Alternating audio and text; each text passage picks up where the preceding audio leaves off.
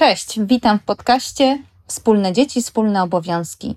Zapraszam Was do wysłuchania zapisu debaty online, jaka odbyła się z okazji Dnia Matki. Rozmawialiśmy i próbowaliśmy odpowiedzieć sobie na następujące pytania. Czego potrzebują współczesne mamy? Czy deklaracje idą w parze z rzeczywistością? Czy wzorce z przeszłości sprawdzają się w świecie dzisiejszych wyzwań? Czy kobiety są gotowe ustąpić nieco miejsca zaangażowanym ojcom? Na te i inne pytania próbowałyśmy znaleźć odpowiedź. Uczestniczkami mojej debaty były Dorota Strajkowska, Santander Bank Polska, Joanna Maraszek, Perspektywy Women in Tech, Karolina Szymańska, Our Little Adventures i Sylwia Ziemacka, Poland Weekly. A debatę prowadziłam ja, czyli Karolina Andrian. Zapraszam Was do wysłuchania tego podcastu. Podcast Wspólne Dzieci, Wspólne Obowiązki. Rozmawiamy o partnerstwie w związku, dzieleniu się opieką nad dziećmi, obowiązkami domowymi oraz o innych wyzwaniach i przyjemnościach rodziców. Witam serdecznie na kolejnej debacie z okazji wydania przewodnika Równi w domu, równi w pracy. Ta debata będzie poświęcona zbliżającemu się wyjątkowemu świętu. Jest to Dzień Matki. Macierzyństwo, jak wiemy, okraszone jest pięknymi chwilami, ale również tymi e, trudnymi. Niezależnie czy więcej jest tych momentów akurat e, teraz słodkich czy trudnych, uśmiech dziecka, kocham cię mamo, rekompensują nam te wszelkie trudy. Większość tych trudów e, niestety e, są obciążone kobiety. Nie jest tak tylko w naszym kraju, bo też i w innych krajach ekonomiści ukuli takie pojęcie motherhood penalty, czyli kara za macierzyństwo e, dla kobiet, które decydują się na to, żeby zostać matkami i kontynuować swoją aktywność zawodową. Ta kara często wymierzona jest w takich e, wskaźnikach jak zmniejszenie dynamiki wzrostu pensji, pomijanie w awansach, no i taki finał, finałów e, mniejsza emerytura. Ale czy tak musi być? Czy rzeczywiście kolejne pokolenia będą musiały myśląc o, o tym, czy zostać matką, czy nie, zastanawiać się i kalkulować tą karę za macierzyństwo w swoich planach. My w Fundacji Share the Care absolutnie e, myślimy, że nie. Zaraz przedstawię moich, e, moje gościnie, ale może na początku jeszcze powiem, że debata e, jest realizowana w ramach dotacji z programu Aktywni Obywatele, Fundusz Krajowy, finansowanego przez Islandię, Liechtenstein i Norwegię w ramach funduszy EOG. A wracam teraz do moich panelistek. Moimi rozmówczyniami będą Dorota Strojkowska, Human Resources Officer, członkini zarządu Santander Bank Polska. Witaj Doroto. Dzień dobry wszystkim i bardzo serdecznie dziękuję za zaproszenie. Naprawdę bardzo mam dużo e, radości i bardzo chętnie zgodziłam się i uczestniczę, bo naprawdę temat jest bardzo ważny i my chcemy mocno w tym temacie być zaznaczeni. Dzięki.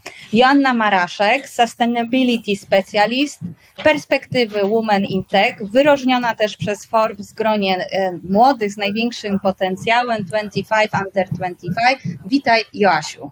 Dzień dobry, dziękuję serdecznie za zaproszenie. Bardzo miło tutaj Państwa, Panie wszystkie poznać. Karolina Szymańska, przedsiębiorczyni i blogerka Our Little Adventures. Witaj Karolina. Dzień dobry, bardzo mi miło. Dzień dobry. I Sylwia Ziemacka, myślę, że niektórym bardzo dobrze znana, dyrektor zarządzająca Poland Weekly. Cześć Sylwia. Dzień dobry, cześć, witam serdecznie. No dobrze, to zaczynamy naszą rozmowę. Zacznijmy y, może, Dorota, od Ciebie. Osiągnęłaś ogromny sukces zawodowy. Jesteś na wysokim, eksponowanym stanowisku, członkini zarządu wiodącego banku y, w Polsce. Jak wyglądała ta Twoja droga do sukcesu, jednocześnie bycie mamą kiedyś i teraz? Czy widzisz te różnice między tym, jak wyglądała, jak funkcjonowała matka pracująca kilka lat temu, czy kilkanaście lat temu, a matka pracująca dzisiaj? Wiecie, to ja podzielę moją wypowiedź na dwie części, bo pierwsza część będzie dotyczyła mnie osobiście, ale to były moje wybory, moje osobiste decyzje, moje osobiste wybory i każda z nas i każdy z nas najważniejsze, żeby podejmował wybory zgodne ze sobą. Także to będzie pierwsza część wypowiedzi, szybko to powiem, natomiast druga e, będzie dedykowana temu, jak organizacja, e, jak Santander chce wspierać kobiety.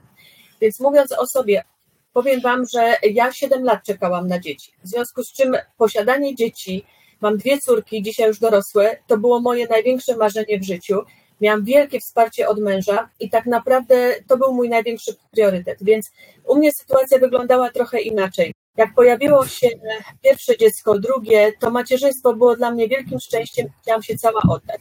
Oczywiście równolegle pracowałam, ale wtedy właśnie mm, trochę podzieliłam priorytety i mówię, to były moje osobiste wybory.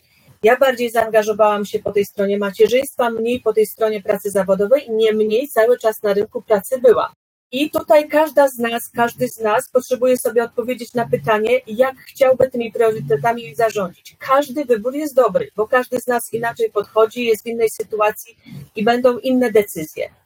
Natomiast jak dzieci podrosły i byłam już gotowa do tego, żeby się mocno zaangażować w pracę zawodową, no to zrobiliśmy taką naradę w domu, czy ja już mogę więcej czasu gdzie indziej i czy wszyscy członkowie rodziny sobie z tym poradzą. No i rzeczywiście wtedy e, naprawdę miałam dużo frajdy w życiu i naprawdę mogłam się mocno realizować i spełniać ambicje. Ale mówię jeszcze raz, to jest wszystko moje osobiste wybory. I każdy, każda z nas, jakkolwiek będzie inaczej podejmowała decyzję, to każda jest dobra, bo każda jest indywidualna i każda potrzebuje takiego podejścia indywidualnego. Natomiast jako Santander ja Dorota na chwilę Ci przerwę, bo zaraz wrócimy do Santandera, do pracodawcy, ale chciałam zestawić tą Twoją perspektywę właśnie osoby na takim już z taką dojrzałą karierą i sukcesem na koncie. I tu oddać na chwilę głos e, Jannie Maraszek, bo Asia, Ty nie jesteś jeszcze mamą, reprezentujesz młode pokolenie, ale obserwujesz to, jak wygląda kariera kobiet i tych starszych, i tych młodszych. Na pewno rozmawiacie, myślę o tym w gronie e, swoich znajomych.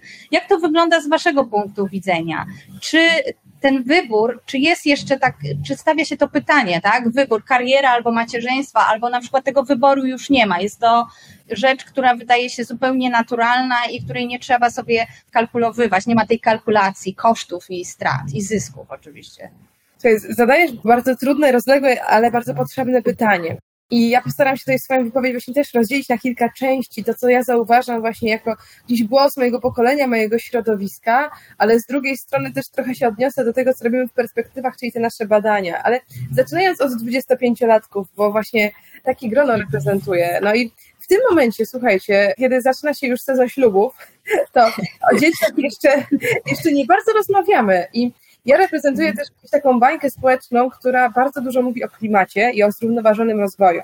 No i w mhm. moim y, otoczeniu pytanie o posiadanie dzieci nie jest pytaniem o to, czy my jako y, ludzie sobie poradzimy, nie? Jako związki, związki, y, które stawiają bardzo mocno na partnerstwo i to jest głównym argumentem gdzieś w ogóle w, w rozmowach, ale my na to patrzymy troszeczkę z innej perspektywy, czy nasz świat sobie z tym poradzi. I bardzo wielu moich znajomych mówi, wiesz co, no ja może i bym chciała mieć dzieci, ale nie wiem, czy chciałabym, chciałbym, żeby moje dziecko doświadczało tego świata, który nas czeka, więc to jest takie duże y, zagrożenie, ale też widzę to jako no, dosyć smutną sytuację, bo jednak ona jest, idzie trochę w sprzeczności z tym, z jakimi wartościami byliśmy wychowywani, ale jednocześnie ten świat, w którym żyjemy, jakby wpycha nas w trochę inne patrzenie. I nawet zobaczcie, dzisiaj, nie, to co mamy, ja jako młoda osoba po raz pierwszy w życiu doświadczam kryzysu takiego na taką skalę, o jakiej mówimy, no po raz pierwszy dotyka y, mnie osobiście y, polityka ekonomiczna państwa, stopy procentowe i te sprawy i nagle zaczynamy rozumieć, że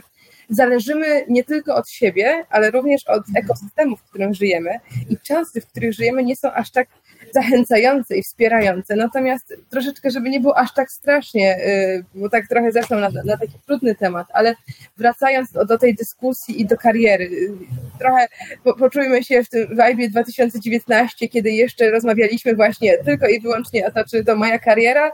E, mhm. Ja myślę, że dzisiaj dyskusja jest przede wszystkim między tą dwójką ludzi, między partnerką i partnerem. I jak są w stanie razem poradzić sobie z tym, jak utworzyć ten model rodziny, żeby zarówno partner, jak i partnerka mogli dalej rozwijać się zawodowo, ale żeby wszystko poszło w sposób optymalny. Ja myślę, że to jest gigantyczna e, optyka, która się zmieniła e, względem mm -hmm. naszych rodziców. Nie? I kiedy mm -hmm. ja się wywodzę z modelu rodziny, gdzie głównie rodzina była na barkach mojej mamy i tak samo mój partner, tak dzisiaj ta optyka jest u nas zmieniona praktycznie o 180 stopni. Ja myślę, że zmienia się w ogóle ta wizja patrzenia na, na, na rodzinę. Mam nadzieję, że odpowiedziałam na pytanie. Mhm. Dziękuję. Znaczy, no, wspomniałaś o partnerze, tak samo jak Dorota też wspomniała o tym bardzo ważnym elemencie. Będziemy też rozmawiać o partnerstwie. Ma, mam to w planie, ale chciałam jeszcze oddać głos e, Karolinie. Karolina, bo y, masz już dwójkę dzieci. Y, czy trójkę, trójkę dzieci y, i to nie są takie totalne maluszki, ale nie są to już takie dorosłe dzieci jak u Doroty. Y, jak to z Twojej perspektywy, perspektywy przedsiębiorczyni, też takiej pary, którą tworzycie wspólnie, bo dzielicie się tymi doświadczeniami w przestrzeni publicznej, czy te wzorce z przeszłości sprawdzają się w dzisiejszym świecie, w świecie dzisiejszych wyzwań? Wiesz co, tak jak powiedziały moje przedmówczyni, zadajesz bardzo rozległe pytania i mam mnóstwo wątków w głowie, które mogłabym poruszyć. Mhm. Ja się odniosę trochę do waszych wypowiedzi wcześniejszych. Mhm. U nas e, było tak, że dzieci u nas się pojawiły po trzydziestce i ja zawsze przez całe swoje życie do 30 chyba do 30 roku życia myślałam, że nie będę miała dzieci. W ogóle nie czułam takiej potrzeby posiadania potomstwa i wydawało mi się to wręcz e, niepotrzebne, e, obciążające i tak dalej, i tak. Po czym poznałam mojego męża i w zasadzie po trzech miesiącach e, jedyną moją myślą w głowie było to, że chcę, naszą w zasadzie myślą, że, że chcemy mieć dzieci, ale co to poprzedziło? To poprzedziły ogromne, naprawdę duże rozmowy na temat posiadania dzieci, na temat tego, jak chcemy wychowywać te dzieci gdzie chcemy je wychowywać, w jaki sposób. E, a po drugie, e, jak będziemy się dzielić tymi obowiązkami, bo obydwoje, tak jak tutaj powiedziałaś e, wcześniej, wywodzimy się z takich rodzin tradycyjnych, mimo że obydwoje rodzice i u mnie i u Marii pracowali, no to jednak ten ciężar obowiązków domowych spoczywał na mamach. I takie też było oczekiwanie naszych rodzin. To nie było wszystko takie proste. Jak ja zaszłam w pierwszą ciążę, ja prowadziłam swoją firmę już wtedy mocno rozhulaną, agencję PR-ową, więc to była taka praca 24 na 7 w zasadzie. Co mnie potem wypaliło po jakichś trzech latach e, później e, i zamknęłam tą firmę, ale to może do tego potem przejdę, jak te moje losy się potoczyły i dlaczego tak się stało. Ale przede wszystkim właśnie rozmawialiśmy na ten temat, co chcemy robić i jak żyć i czyje te dzieci będą, czy bardziej moje, czy bardziej e, nasze. No i mhm. ustaliliśmy, że nasze i w związku z tym naturalną w zasadzie koleją rzeczy zdecydowaliśmy się na drugie i na trzecie. I, I też myślę, że żyjemy trochę tak, nie tak bardzo tradycyjnie, jeśli chodzi o, o, sposób spędzania czasu, czy w ogóle tego, co robimy w życiu, więc też nam myślę, że jest łatwiej e, mieć taką szerszą perspektywę, bo dużo podróżujemy, widzimy, jak to jest na świecie. Dużo rozmawiamy z innymi poprzez to, że dzielimy się doświadczeniami w sieci, tak jak powiedziałeś, mamy i bloga, i w mediach społecznościowych, i organizujemy też e, takie wyjazdy e, dla, i dla rodzin, i dla mam przede wszystkim z warsztatami, no to widzimy, jak można, e, jak wiele problemów nas spotyka, mimo tego, że mamy tę świadomość, jak chcemy żyć, tak? I jakie chcemy macierzyństwo mieć. To i tak bardzo dużo w mhm. naszych głowach jest. Mhm. Dziękuję. Chciałam właśnie teraz e, oprócz macierzyństwa powiedzieć troszeczkę o tej drugiej połówce, o tym partnerze, który tutaj jest niezmiernie ważny e, i z którym te rozmowy się toczą. Ty, ty wspomniałaś o tym, że, że bardzo dużo o tym rozmawialiście. Joanna trochę też mówiła e, o tej rozmowie i, i Dorota. My rzeczywiście też, jak rozmawiamy z, z parami, robimy webinary dla młodych par, to często widzimy taką właśnie potrzebę, żeby rozmawiać właśnie o tym i często się zapomina o tym partnerstwie, o tym, jak to będzie wyglądać, czyje te dzieci będą, co to znaczy nasze dzieci tak, tak naprawdę. Nie tylko w sensie biologicznym, ale w kwestii odpowiedzialności za pewne za obowiązki, które trzeba wykonywać. Jak to niektóry, jeden tata powiedział o tych blaskach, ale też i o tych cieniach, dzielenia się tymi blaskami, ale też e, cieniami. W Polsce e, w takim badaniu CEBOS odnośnie preferowanego modelu rodziny 58% Polaków już mówi o tym, że preferuje partnerski e, taki model rodziny, czyli obydwoje pracują zawodowo, obydwoje dzielą się obowiązkami domowymi i opieką, tak? Czyli to są pewne takie deklaracje i trochę aspiracje Polaków. Jak się patrzy na statystyki odnośnie podziału obowiązków domowych, to widzimy, że gro tych obowiązków jest prze, mm, jakby ponoszą Y, wykonują kobiety. Jeśli chodzi o chodzenie na mm, korzystanie z urlopów rodzicielskich przez ojców, no to jest to wciąż 1% ku naszemu bólowi Fundacji Sherdecker. Mamy nadzieję, że to niedługo będzie to rosło, ale wciąż jednak za 2021 mieliśmy 1%. Widzimy, że te deklaracje, te aspiracje versus trochę rzeczywistość, trochę się nam rozjeżdżają. Sylwia, ty podzieliłaś się urlopem, rzeczywiście twój mąż jest w tym jednym procencie, tak? bo on jest i w statystykach ZUS-owskich, nie tylko deklaracyjnie, ale też się załapał na to, żeby być w tych statystykach, bo nie wszyscy ojcowie, którzy opiekują się dziećmi, w tych statystykach, że tak powiem, się e, mieszczą. Jak to u Ciebie wyglądało? Tak naprawdę, jak doszliście do tego podziału urlopu rodzicielskiego? Czy był jakiś zwrotny moment w, e, w Twoim e, życiu, że akurat i kto Wam ten, ten pomysł podsunął, tak? To tak, to może ja wyjaśnię, że ja mam, mamy czwórkę dzieci. Przy dwójce pierwszych e, nie było takiej możliwości, wtedy to chyba jeszcze macierzyński w ogóle był 20 tygodni, to był ten moment, kiedy dopiero rozszerzali, ale ja wtedy rzeczywiście też pracowałam w dużych korporacjach i właściwie zawsze po pół roku wracałam do pracy, w sensie, że jakby wykorzystywałam ten macierzyński i, i po prostu wracałam, bo dla mnie praca zawodowa jest ważna, znaczy ja po prostu lubię pracować, tak? Bardzo lubię, bardzo kocham moje dzieci, ale też bardzo lubię pracować. Przy trzecim dziecku po prostu pojawiła się ta możliwość, szczerze mówiąc, po prostu skoro o niej wiedzieli, wiedzieliśmy, to, to jej wykorzystaliśmy. Ja mi się wydaje, że nawet tam nie było pytania o to, czy się podzielić, tylko po prostu jak się tym konkretnie dzielimy. I no myślę, że to była bardzo dobra decyzja, bo po prostu no, zderzenie się z tym w praktyce, szczególnie przez mężczyzn, yy, sprawia, że właśnie potem odchodzimy od deklaracji, a przechodzimy do rzeczywistości i do tego realnego podziału obowiązków. Ale myślę, że to, jest też ważne, że dlaczego od tych deklaracji przechodzimy do rzeczywistości, dlatego że sprawdzenie się samemu w tej roli pozwala zobaczyć, jak bardzo to jest złożony obszar, ale też pozwala jakby na taką aktywność na zasadzie, ludzie jednak poruszają się w pewnych schematach, tak? Jeżeli nie mają tego schematu, to nie mają pewnego odruchu, jak zareagować na daną sytuację. I zresztą ja się czasami tak śmieję, jak obserwuję koleżanki, bo teraz to już oczywiście jak z własnej perspektywy i z własnego doświadczenia patrzę, to widzę więcej rzeczy u innych niż może kiedyś sama u siebie.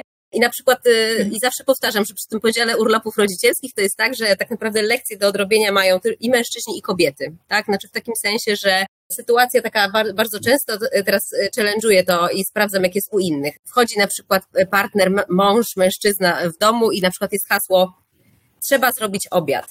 No trzeba zrobić obiad jest bardzo bezosobowe, ale naprawdę przyjrzyjcie się w swojej rzeczywistości, jak wiele jest takich rzeczy bezosobowych, które są rzucone na zasadzie trzeba zrobić, trzeba coś, trzeba coś. I wtedy jest od razu taka opcja, kobieta wstaje, no bo automatycznie ona ma ten schemat, że obiad to ona, tak? No i teraz właśnie pytanie, że w momencie, kiedy jakby nie, nie dopuścimy tej drugiej strony do tego, żeby ona mogła się wykazać, a najlepszym możliwym czasem na wykazanie się i złapanie tych, wypracowania sobie schematów jest właśnie urlop rodzicielski, tak? Bo jest to czas, kiedy tata spędza ten czas indywidualnie z dzieckiem, on sam zostaje w domu.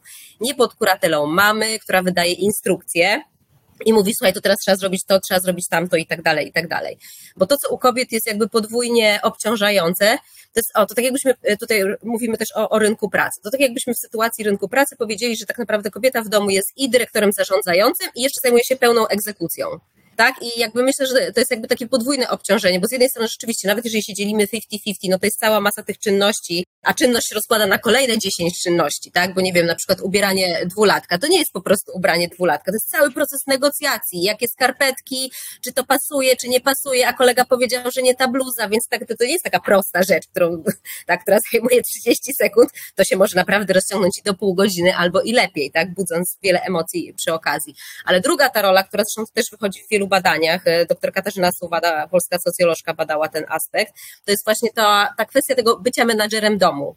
Kto pomyśli o tym, czy na przykład będą kupione bułki na, na śniadanie, żeby dzieciom jutro zrobić kanapki do szkoły? Kto pomyśli o tym, że jeżeli dzieci wracają ze szkoły i o godzinie, nie wiem, 17 muszą coś zjeść, to kto przygotował to jedzenie i tak dalej, i tak dalej. I po prostu moim zdaniem na dłuższą metę myślenie o tym cały czas jest bardzo obciążające, a plus jeżeli jeszcze do tego dodajemy e, kwestie związane no właśnie z tą egzekucją, no i jeszcze życie zawodowe. Także po prostu na koniec dnia chodzi o to, żeby kobiety nie musiały pracować na dwóch etatach, no po prostu. Dokładnie, dlatego tutaj e, dobrze, że wywołałaś rynek pracy mm, i, i, i też pracodawców, bo chciałabym też o tym e, porozmawiać, bo właśnie wspomniałaś o rynku pracy i wspomniałaś o urlopie rodzicielskim i wspomniałaś o tym obciążeniu związanym z planowaniem. To jak widzimy, jak rozmawiamy z parami, które dzieliły się urlopami, często kobiety mówią o tym, że ten powrót do pracy był dużo łatwiejszy, dlatego że przez to, że partner był z dzieckiem, I też porozmawiamy o tym trochę właśnie, o tym zaufaniu do mężczyzn, tak? Jeśli masz to zaufanie, zostawiasz to dziecko z partnerem, z ojcem dziecka, tak? Nie z nianią, nie w żłobku, nie z jakąś osobą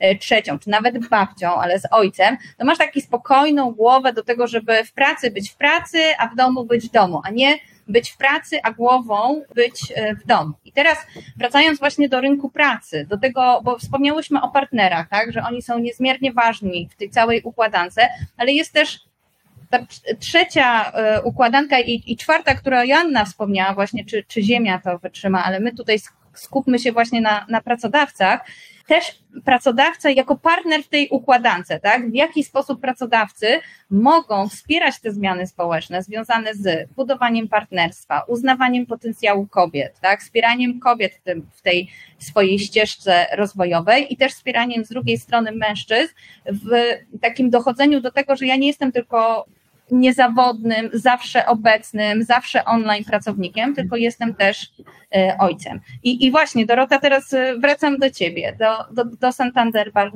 Polska i właśnie do tej roli pracodawców. Czy pracodawcy, jakby, jaką rolę odgrywają w realizacji potencjału kobiet i czy widzą ten potencjał, tak? I chcą go wykorzystać? Widzą, chcą wykorzystać, ale wiecie co, tutaj ta dyskusja jest wspaniała, dlatego że my tutaj mówimy o partnerstwie i zobaczcie, ta, nawet ta definicja partnerstwa tak wymagałaby doprecyzowania, bo bardzo zmienia się model rodziny i znowu to za długo by opowiadać o tym, dlaczego, skąd i, jak się zmienia i w jakim jesteśmy momencie. I w ramach tego modelu rodziny, bo model rodziny, my mówimy tutaj partner, partnerka, ale wiemy, że model rodziny może też wyglądać inaczej i być może nasz kraj jeszcze nie jest tak otwarty na ten inny model jak inne kraje, a my mamy takie przykłady w naszej organizacji, więc, więc to, to, to, są, to są tematy, które no, pewnie byśmy mogły wiele godzin rozmawiać. I ta definicja partnerstwa jest bardzo ważna, ponieważ mhm. ona jest ważna w związku, czy w tej relacji, jaką tworzymy między partnerami, ale też jest ważna z punktu widzenia pracodawcy. I szybko to powiem i myślę, że ten przykład y, zbierze to wszystko, co, co chcę Wam przekazać mieliśmy takie bardzo duże executive spotkanie i rozmawialiśmy również o tym, jak wspierać kobiety i jak, co możemy zrobić, żeby było więcej kobiet na tych top stanowiskach, na tych naprawdę executive.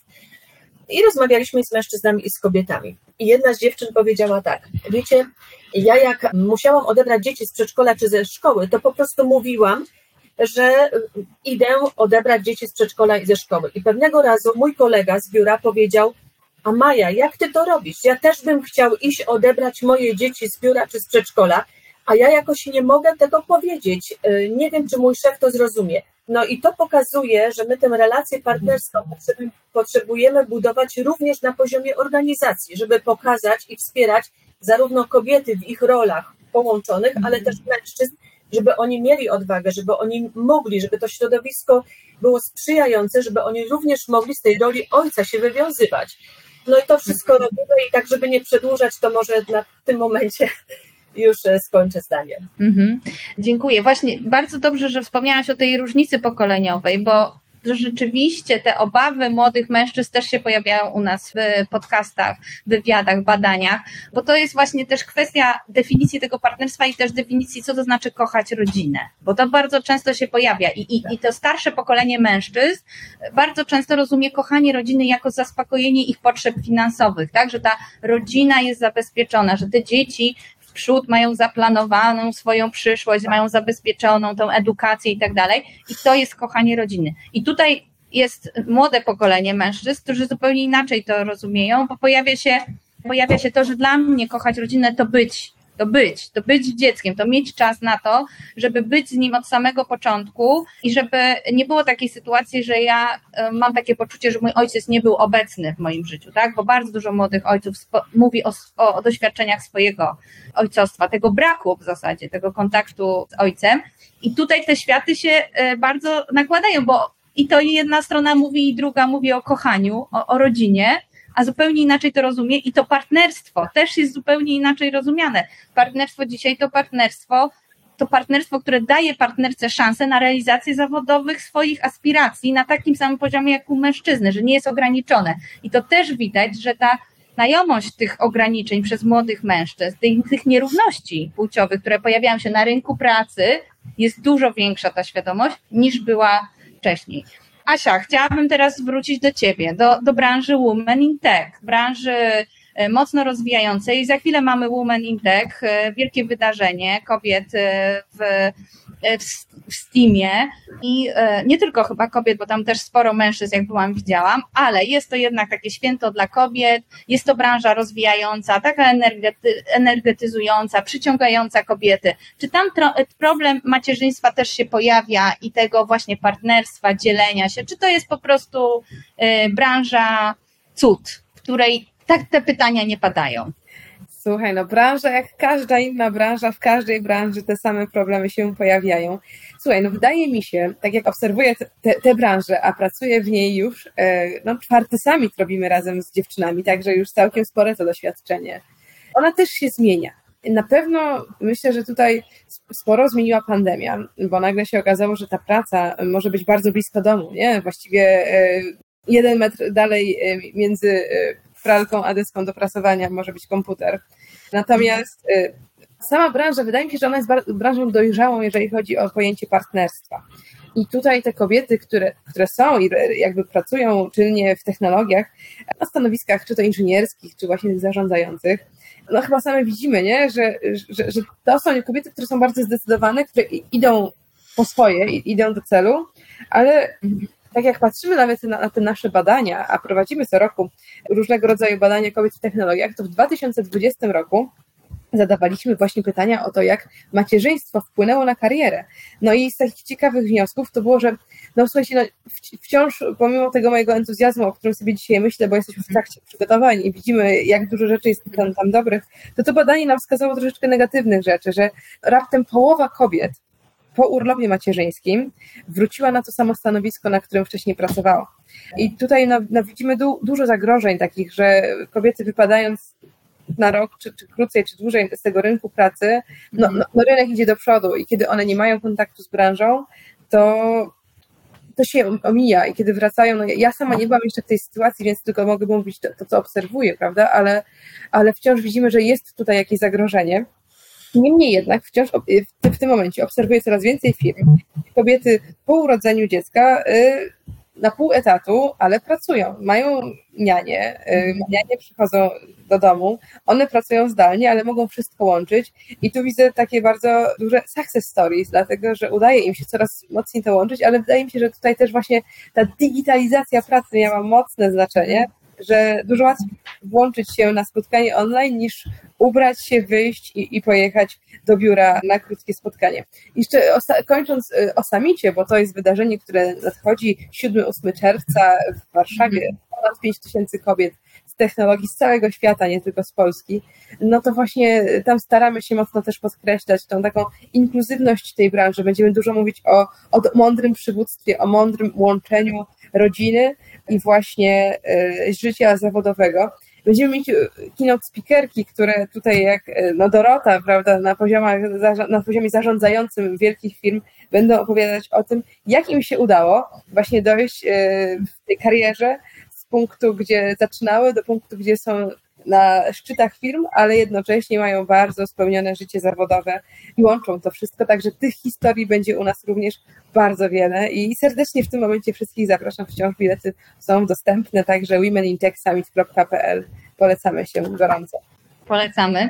Wspomniałeś success stories, tak? Czyli właśnie przykład kobiet, które osiągnęły sukces, które realizują się zawodowo. Czy do Was, e, e, dziewczyny, pytanie wszystkich, czy dla Was to miało znaczenie, tak? Czy obecność właśnie kobiet, którym udało się osiągnąć sukces i zawodowy, i też prywatny, jakkolwiek on by wyglądał, bo też wydaje mi się, że nie można, bo czasami tak jest o dobra, ona bardzo duży sukces, ale przecież się rozwiodła. To też nie można tak biało-czarno rozmawiać, tak? Bo chodzi o relacje, tak? Jakiekolwiek one by nie były, jaki jest finał, bo to y, różne rzeczy się zdarzają w życiu, ale udało nam się z sukcesem nie zgubić siebie, bo mówimy tutaj o macierzyństwie, zgodzie z sobą właśnie też.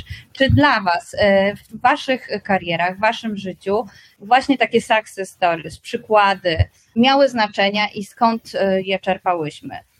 Czerpałyście. To ja, czy przekazać głos, to może Karolina, ja Ci wywołam tutaj do tablicy. Jak to u Ciebie było? Wiesz co, ja miałam e, to szczęście, że na początku pracy w swojej agencji PR-owej pracowałam przez 4 lata dla Kongresu Kobiet, który właśnie wtedy powstawał. Ja wtedy kierowałam biurem prasowym pod e, e, kuratelą Doroty Warakomskiej. I miałam bezpośredni kontakt z tymi success stories, z kobietami na wysokich stanowiskach, z polityczkami, bizneswomankami, z osobami, które były w zarządach wielkich międzynarodowych korporacji i z bliska mogłam widzieć, jak to rzeczywiście wygląda to ich godzenie życia zawodowego e, z prywatnym, czy, czy w ogóle taki e, nie lubię tego słowa bardzo work-life balance, bo wydaje mi się ono kompletnie nietrafione i dla każdego to jest zupełnie co innego. I ja na początku, no wtedy miałam dwadzieścia kilka lat, nie miałam dzieci, wszystko mi się wydawało takie cudowne, to była taka moja droga zawodowa, do którą chciałam dążyć. Po czym po kilku latach pracy zrozumiałam, że większość z tych kobiet jest po prostu w pracy non-stop. To nie chodzi o dzieci, nie chodzi o, e, o łączenie macierzyństwa z biznesem i, i z realizowaniem się w biznesie. Ja zrozumiałam, że dla mnie ten model zawodowy nie jest nęcący. Przestał być nęcący, bo ja nie chciałam być wiecznie w pracy.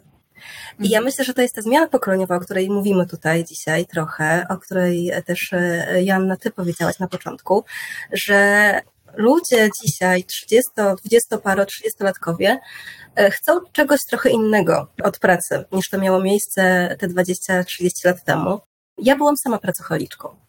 Ja spędzałam w pracy od e, praktycznie kilkanaście godzin, prowadząc swoją agencję. E, zaczynam o siódmej dzień, kończyłam o 23, zamykaniem laptopa po prostu.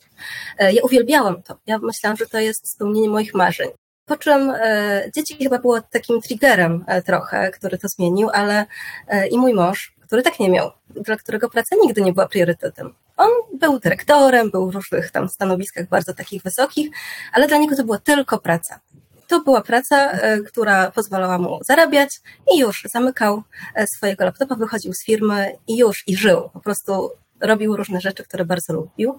I ja wtedy zrozumiałam, że ja tak krok po kroku, bo to oczywiście nie było takie proste, że zobaczyłam jak ma Mario i stwierdziłam, dobra, to ja też tak chcę.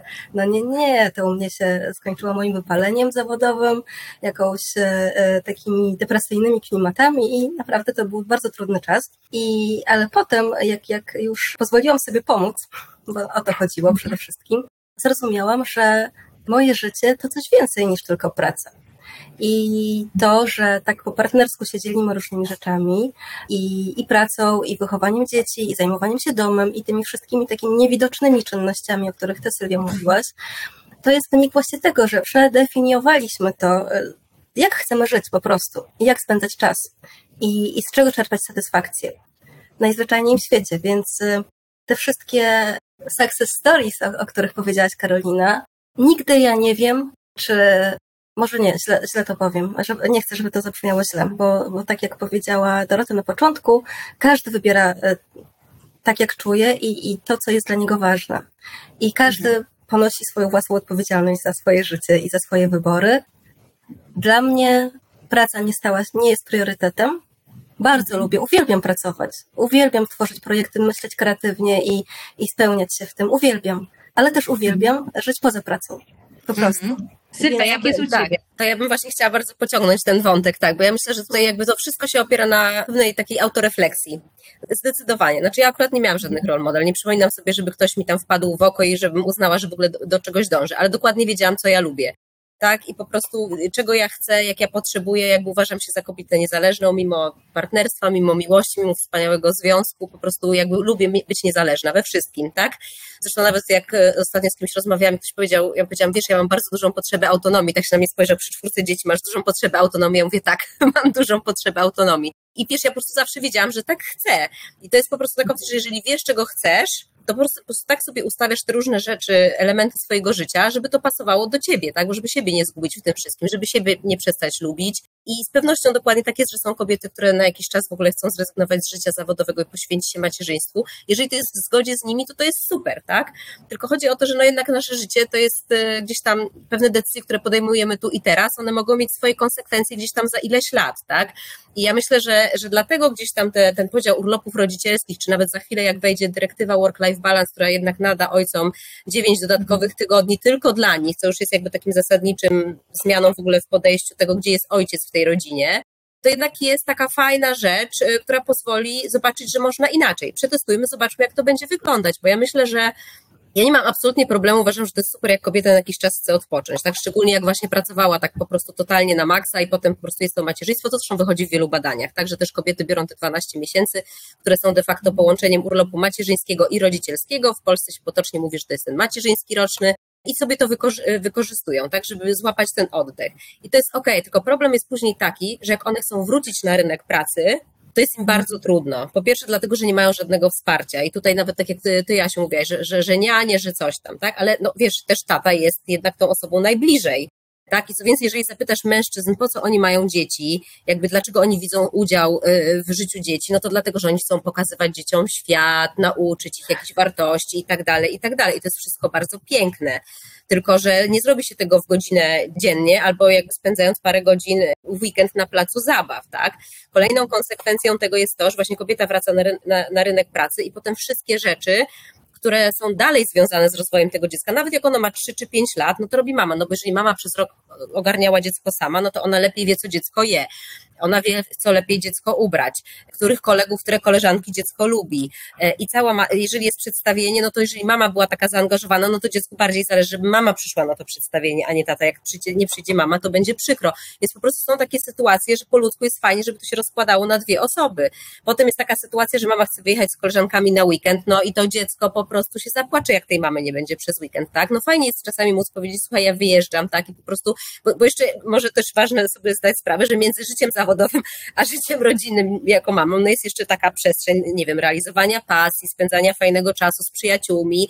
To jest taka strefa, gdzie po prostu jakby to też kobiety mają na to, e, powinny znaleźć na to przestrzeń, tak? I tutaj jestem z siebie dumna, bo ostatnio oglądałam akurat e, dokument, e, ten Becoming z Michelle Obamą. I akurat ona powiedziała coś takiego, co ja zawsze podkreślam jako przykład mój osobisty. Było tak, że my już tam mieliśmy te dzieci, no mój mąż jest sportowany tak, dwa razy w tygodniu, raz w tygodniu basen, raz w tygodniu squash.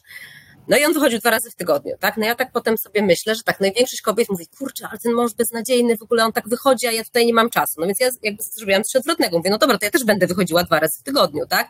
Bo ja lubię tańczyć, bo lubię coś innego, tak?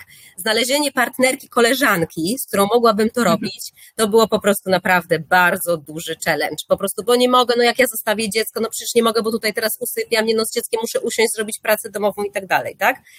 To mhm. jednak na koniec dnia rodzi te frustracje, więc teraz sobie lepiej odpowiedzieć pytanie, czy lepiej po prostu gasić pożary, czy może lepiej takimi malutkimi kroczkami, malutką łyżeczką dozować sobie takie różne rzeczy, włączać tego męża w to, żeby zbudować ten taki ekosystem potem wsparcia i nie niania, nie babcia, nie ktoś tam, że zawsze polegać na osobach z zewnątrz, tylko może po prostu na tej osobie najbliższej, która powinna być, powinna w tej mhm. sytuacji być i się angażować, tak? Tym bardziej, że zarządzanie nianiami, babciami też jest e, dość e, ambitnym e, zadaniem i trudnym. Jak tak kiedyś wstawiłam swoje kontakty słowo niania, to wyskoczyło mi 10 kontaktów. Niania sąsiadka, niania tamta, niania taka, więc tego, tych wsparcia jest sporo. Nie każda niania zawsze może. Ale tutaj przeczytałam w międzyczasie komentarze. Jedna z komentarzy było odnośnie pracy, że nie trzeba pracować tak długo, żeby mieć tą przestrzeń, żeby skończyć pracę i zacząć swoje życie prywatne, że to jest nasza decyzja i też decyzja, e, gotowość przełożonych, tak? I tutaj e, Dorota do Ciebie pytanie właśnie, bo reprezentujesz Santander Bank Polska, masz duże doświadczenie, rozmawiasz e, na zarządzie i z kobietami i z mężczyznami. Czy, czy budowanie tej gotowości przełożonych, bo na pewno to jest naprawdę kluczowy element w tym, w tym łączeniu rodzicielstwa z aktywnością zawodową. To, co Joanna wspomniałaś, że, e, że nie wracamy po roku, tylko wracamy wcześniej, na pół etatu, czyli jakieś tam powiedzmy, nazwijmy to hybrydowe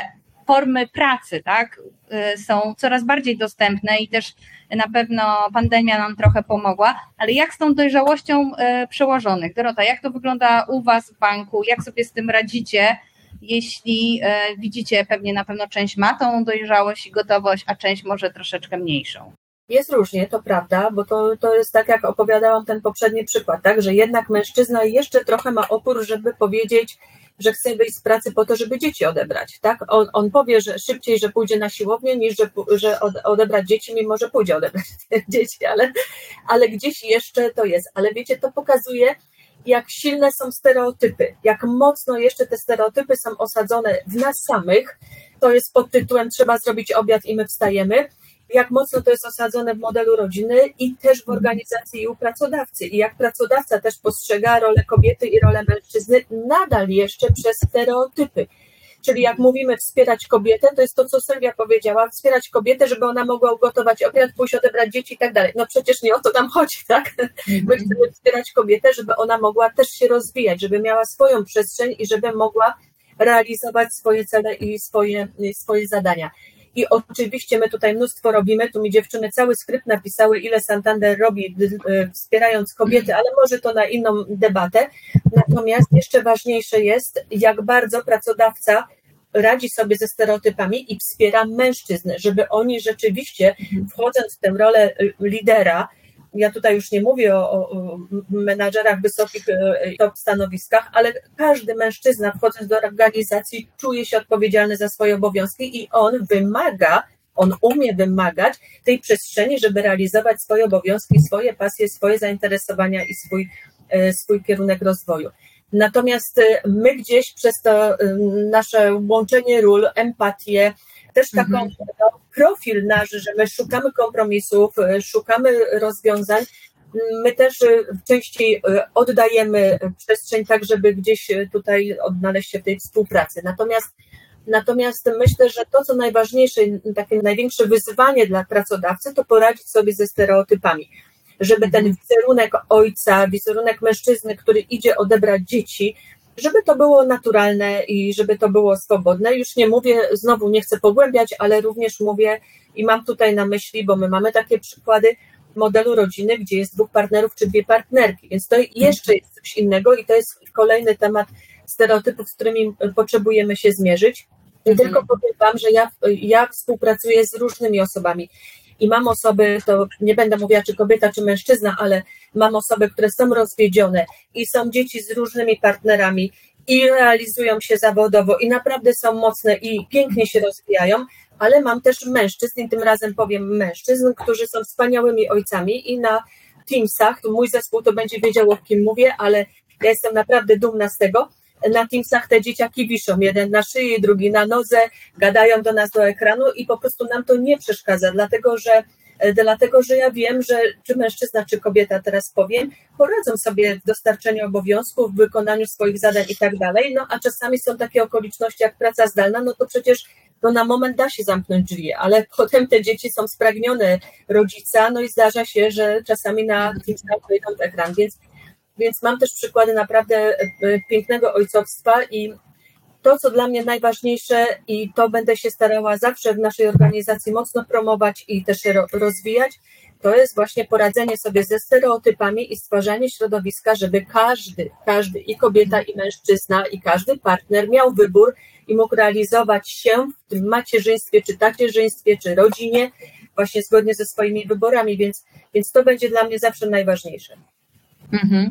Bardzo dobrze, że wspomniałaś o stereotypach, właśnie w kontekście rzeczywiście ta praca jest, no jest to praca u podstaw, to jest praca namierzona na długi okres, na ciągłe e, rozmawianie, bo bardzo dużo daje doświadczenie, tak? To też rzeczywiście mówią o tym e, często i, i młodzi ojcowie i matki mówią o tym, że łatwiej im się rozmawia na przykład z szefem, który jest też rodzicem, albo na przykład widzą, że jakiś taki model rodzicielstwa realizuje podobny, tak? Że na przykład szef był też na urlopie rodzicielskim, albo wychodzi na, jakby angażuje się w życie rodzinne, wtedy łatwiej jest porozmawiać zarówno mężczyźnie, jak i kobiecie o tym elastyczności e, tak, pracy.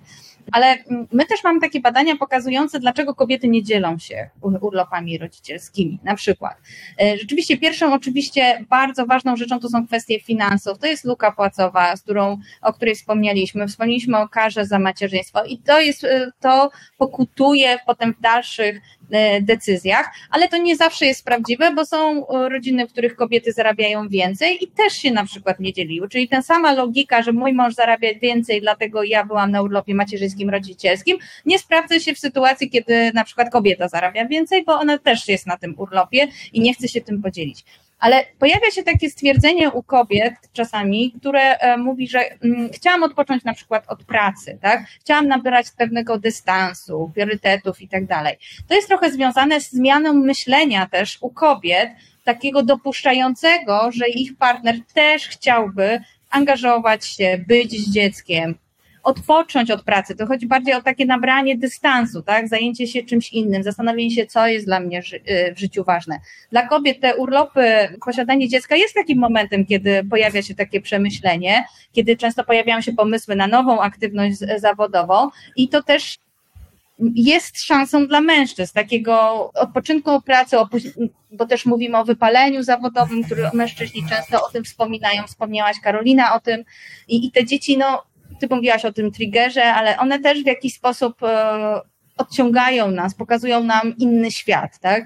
I teraz pytanie do, moje do was, czy kobiety są gotowe na to, żeby oddać trochę władzy tym mężczyznom, uznać ich jako równoprawnych opiekunów. Pojawiło się trochę w komentarzach tutaj e, z czatu. Niestety nie mamy tak, tak dużo czasu, żeby to czytać, ale pojawiły się tam kwestie takie porozwodowe i, i, i nam się pojawiają na różnych webinarach, które my prowadzimy dla osób, takie kwestie porozwodowe i uznania tego równości ojca jako opiekuna, tak? Zaakceptowania, że jak on coś robi inaczej, to znaczy inaczej, to nie jest gorzej, lepiej, bo zakłada takie ubrania, a nie inne, idzie tam albo gotuje coś innego.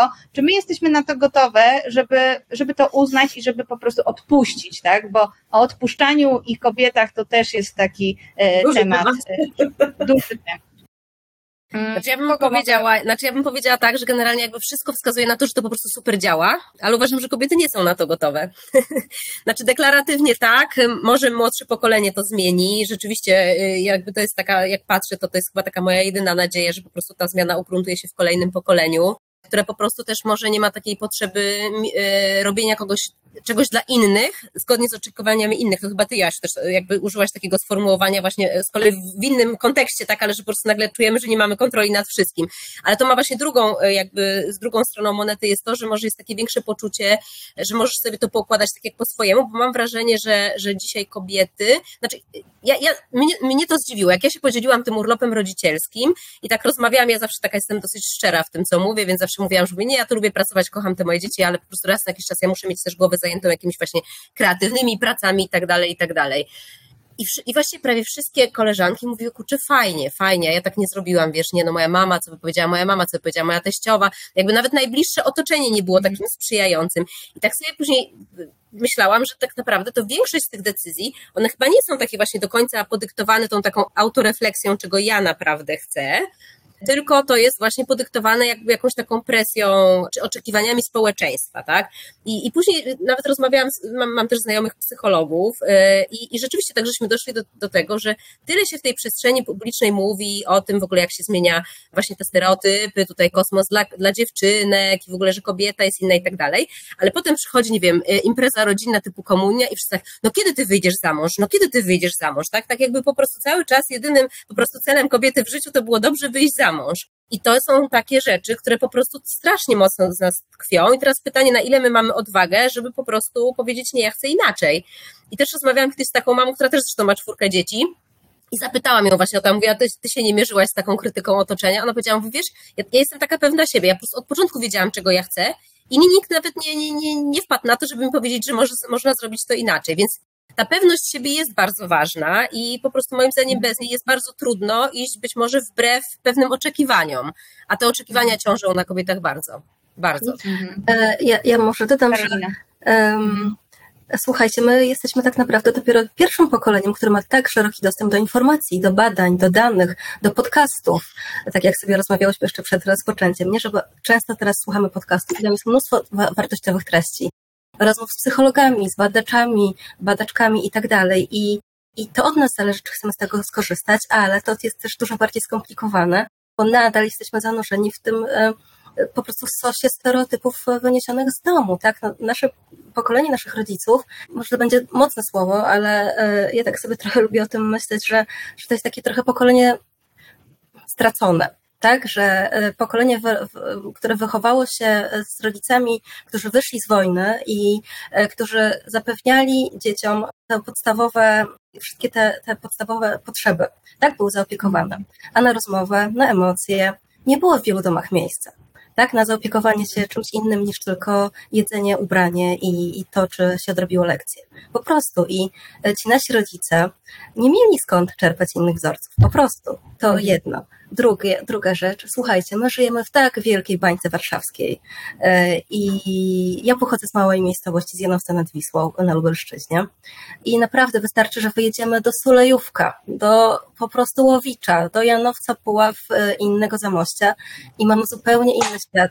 Mimo tego, że te dziewczyny, które do mnie piszą też na Instagramie, dostaniemy wiele maili, czy, czy spotykamy się po prostu face to face, one też chcą tak jak my tak? Chcą być pewne siebie, e, dzielić obowiązki, postawić na swoim, wyjechać na weekend, wyjść do kina z koleżanką, po prostu takie drobne rzeczy.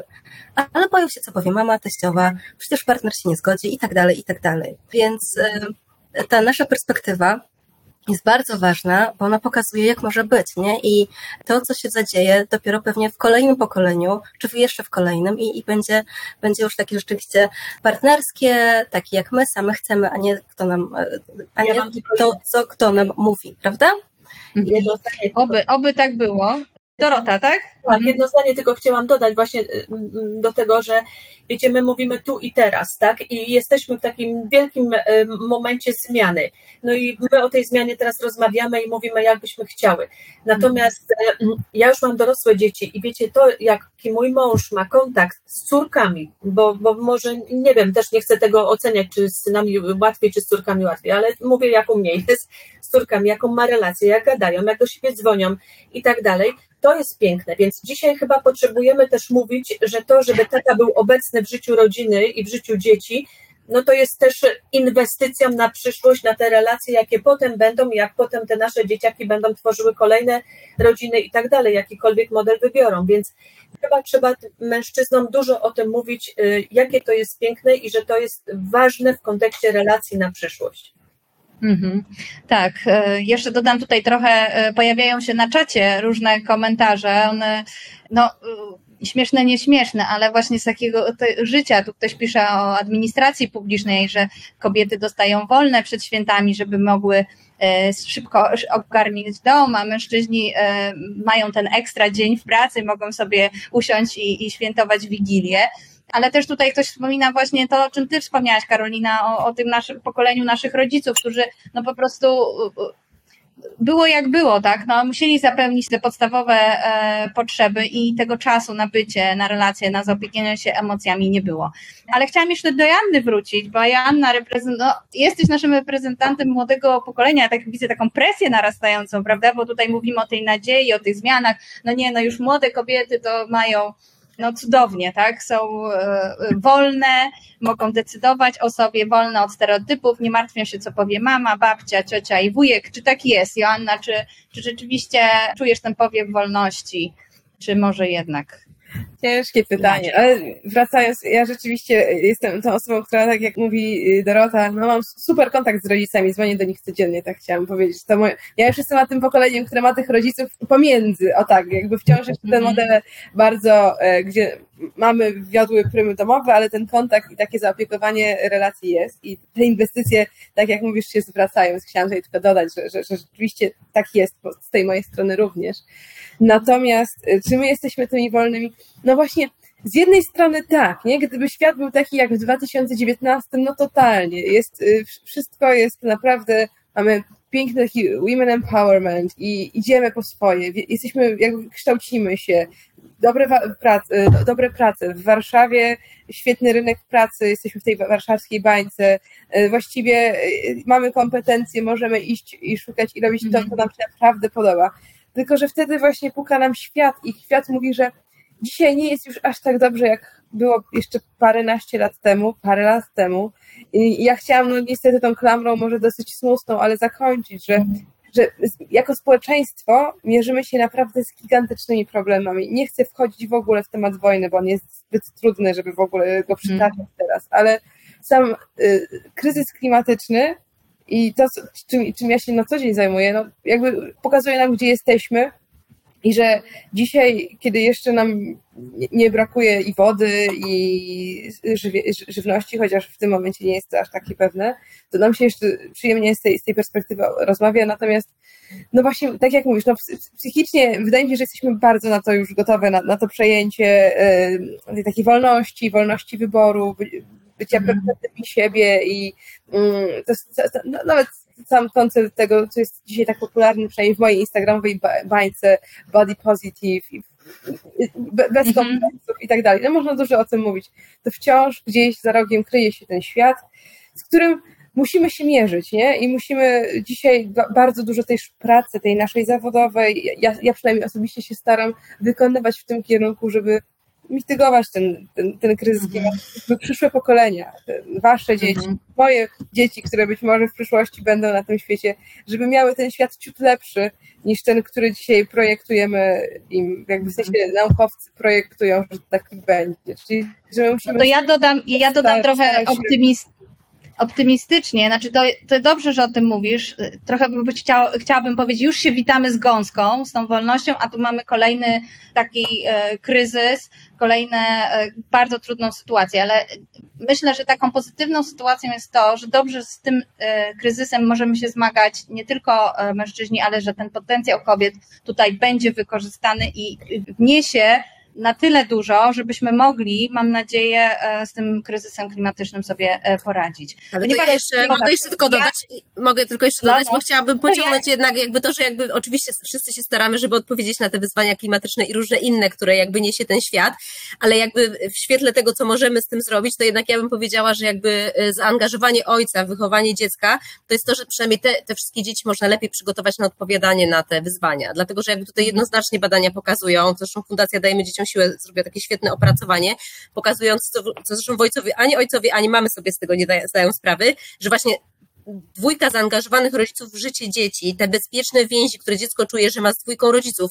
czy, czy to będą dwie mamy, dwóch tatów, czy to będzie mama i tata, wszystko jedno, tak? Ale dwójka dorosłych, najbliższych, na których zawsze mogą liczyć, to jest po prostu, znaczy, no nie ma lepszej inwestycji w życie i jakby nie, nie, nie opędzlujemy po prostu tego najlepszymi kupowaniem najlepszych dobrodziejstw, które dzisiaj oczywiście są dostępne, bo właśnie to, to miejsce, które powinno być najbliżej dziecka, to są te emocje i relacje, ale nie jest tylko z jedną mamą, tylko właśnie z, z dwójką dorosłych, najlepiej mamą, tatą, tak, rodzicami najbliższymi. No i myślę, że to jest po prostu najlepsza inwestycja, żeby przynajmniej przygotować się na odpowiedź na te różne wyzwania, które niesie świat.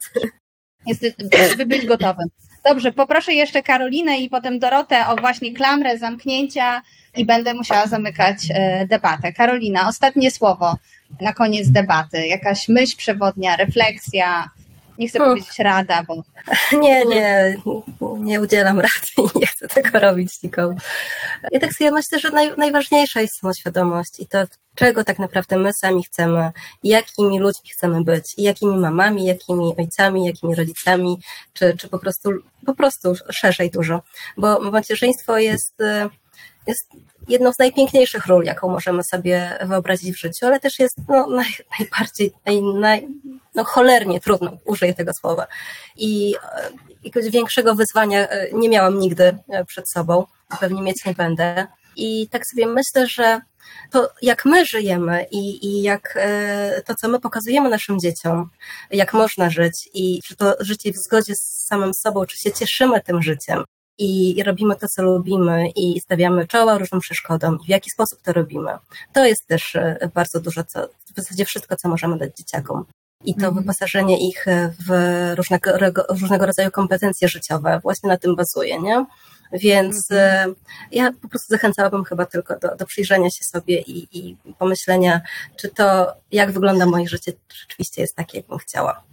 Mhm, dziękuję. Dorota, poproszę Ciebie również o taką refleksję ja wszystkim, Ja wszystkim mamom naprawdę gratuluję. Życzę dużo wytrwałości, dużo miłości, cierpliwości i też przestrzeni jednak dla siebie żeby umieć znaleźć tę przestrzeń dla siebie. Natomiast y, oczywiście to jest Dzień Matki, my się bardzo cieszymy. My zawsze mówimy, że w Dniu Matki również składamy najlepsze życzenia wszystkim ojcom i tak na końcu to najważniejsze, żebyśmy byli dobrym człowiekiem, świadomym, świadomym swoich decyzji, swoich wyborów i myśleli tu i teraz, ale też tak, jak Panie mówimy o tym, jaki świat zafundujemy za kilka lat, więc gdzieś tę perspektywę jednak każdy z nas swoje aktywności też potrzebuje nosić. Także spotkanie jest wspaniałe i pewnie my, my byśmy mogły tutaj dużo różnych jeszcze rzeczy więcej rozmawiać, bo temat jest mocno rozległy i mamy przykłady kobiet, które podejmowały decyzje i też wiecie, jak były oceniane, bo chciała być dziennikarką, wyjechała do Nowego Jorku, nie, wszystkie inne sytuacje się wydarzały po drodze, więc bądźmy dla siebie wszyscy dobrzy i nie oceniajmy się, a wspierajmy. Mhm, dziękuję bardzo. Czyli, a od siebie może dorzucę i od Fundacji Sherdeka dużo sił na to, żeby realizować swój potencjał i stawić czoła różnym przeciwnościom, które szykuje nam i macierzyństwo, i rodzicielstwo, i świat, i klimat. Dziękuję bardzo. Moimi rozmówczyniami były Dorota Strojkowska, Santander Bank Polska, Joanna Maraszek, Woman in Tech, Karolina Szymańska, Our Little Adventures i Sylwia Ziemacka, Poland Weekly. Dziękuję Wam bardzo za rozmowę. Wszystkim dziękuję za wysłuchanie tej debaty. Dziękuję bardzo. Dziękujemy. Dziękujemy. Dzięki. Dziękujemy.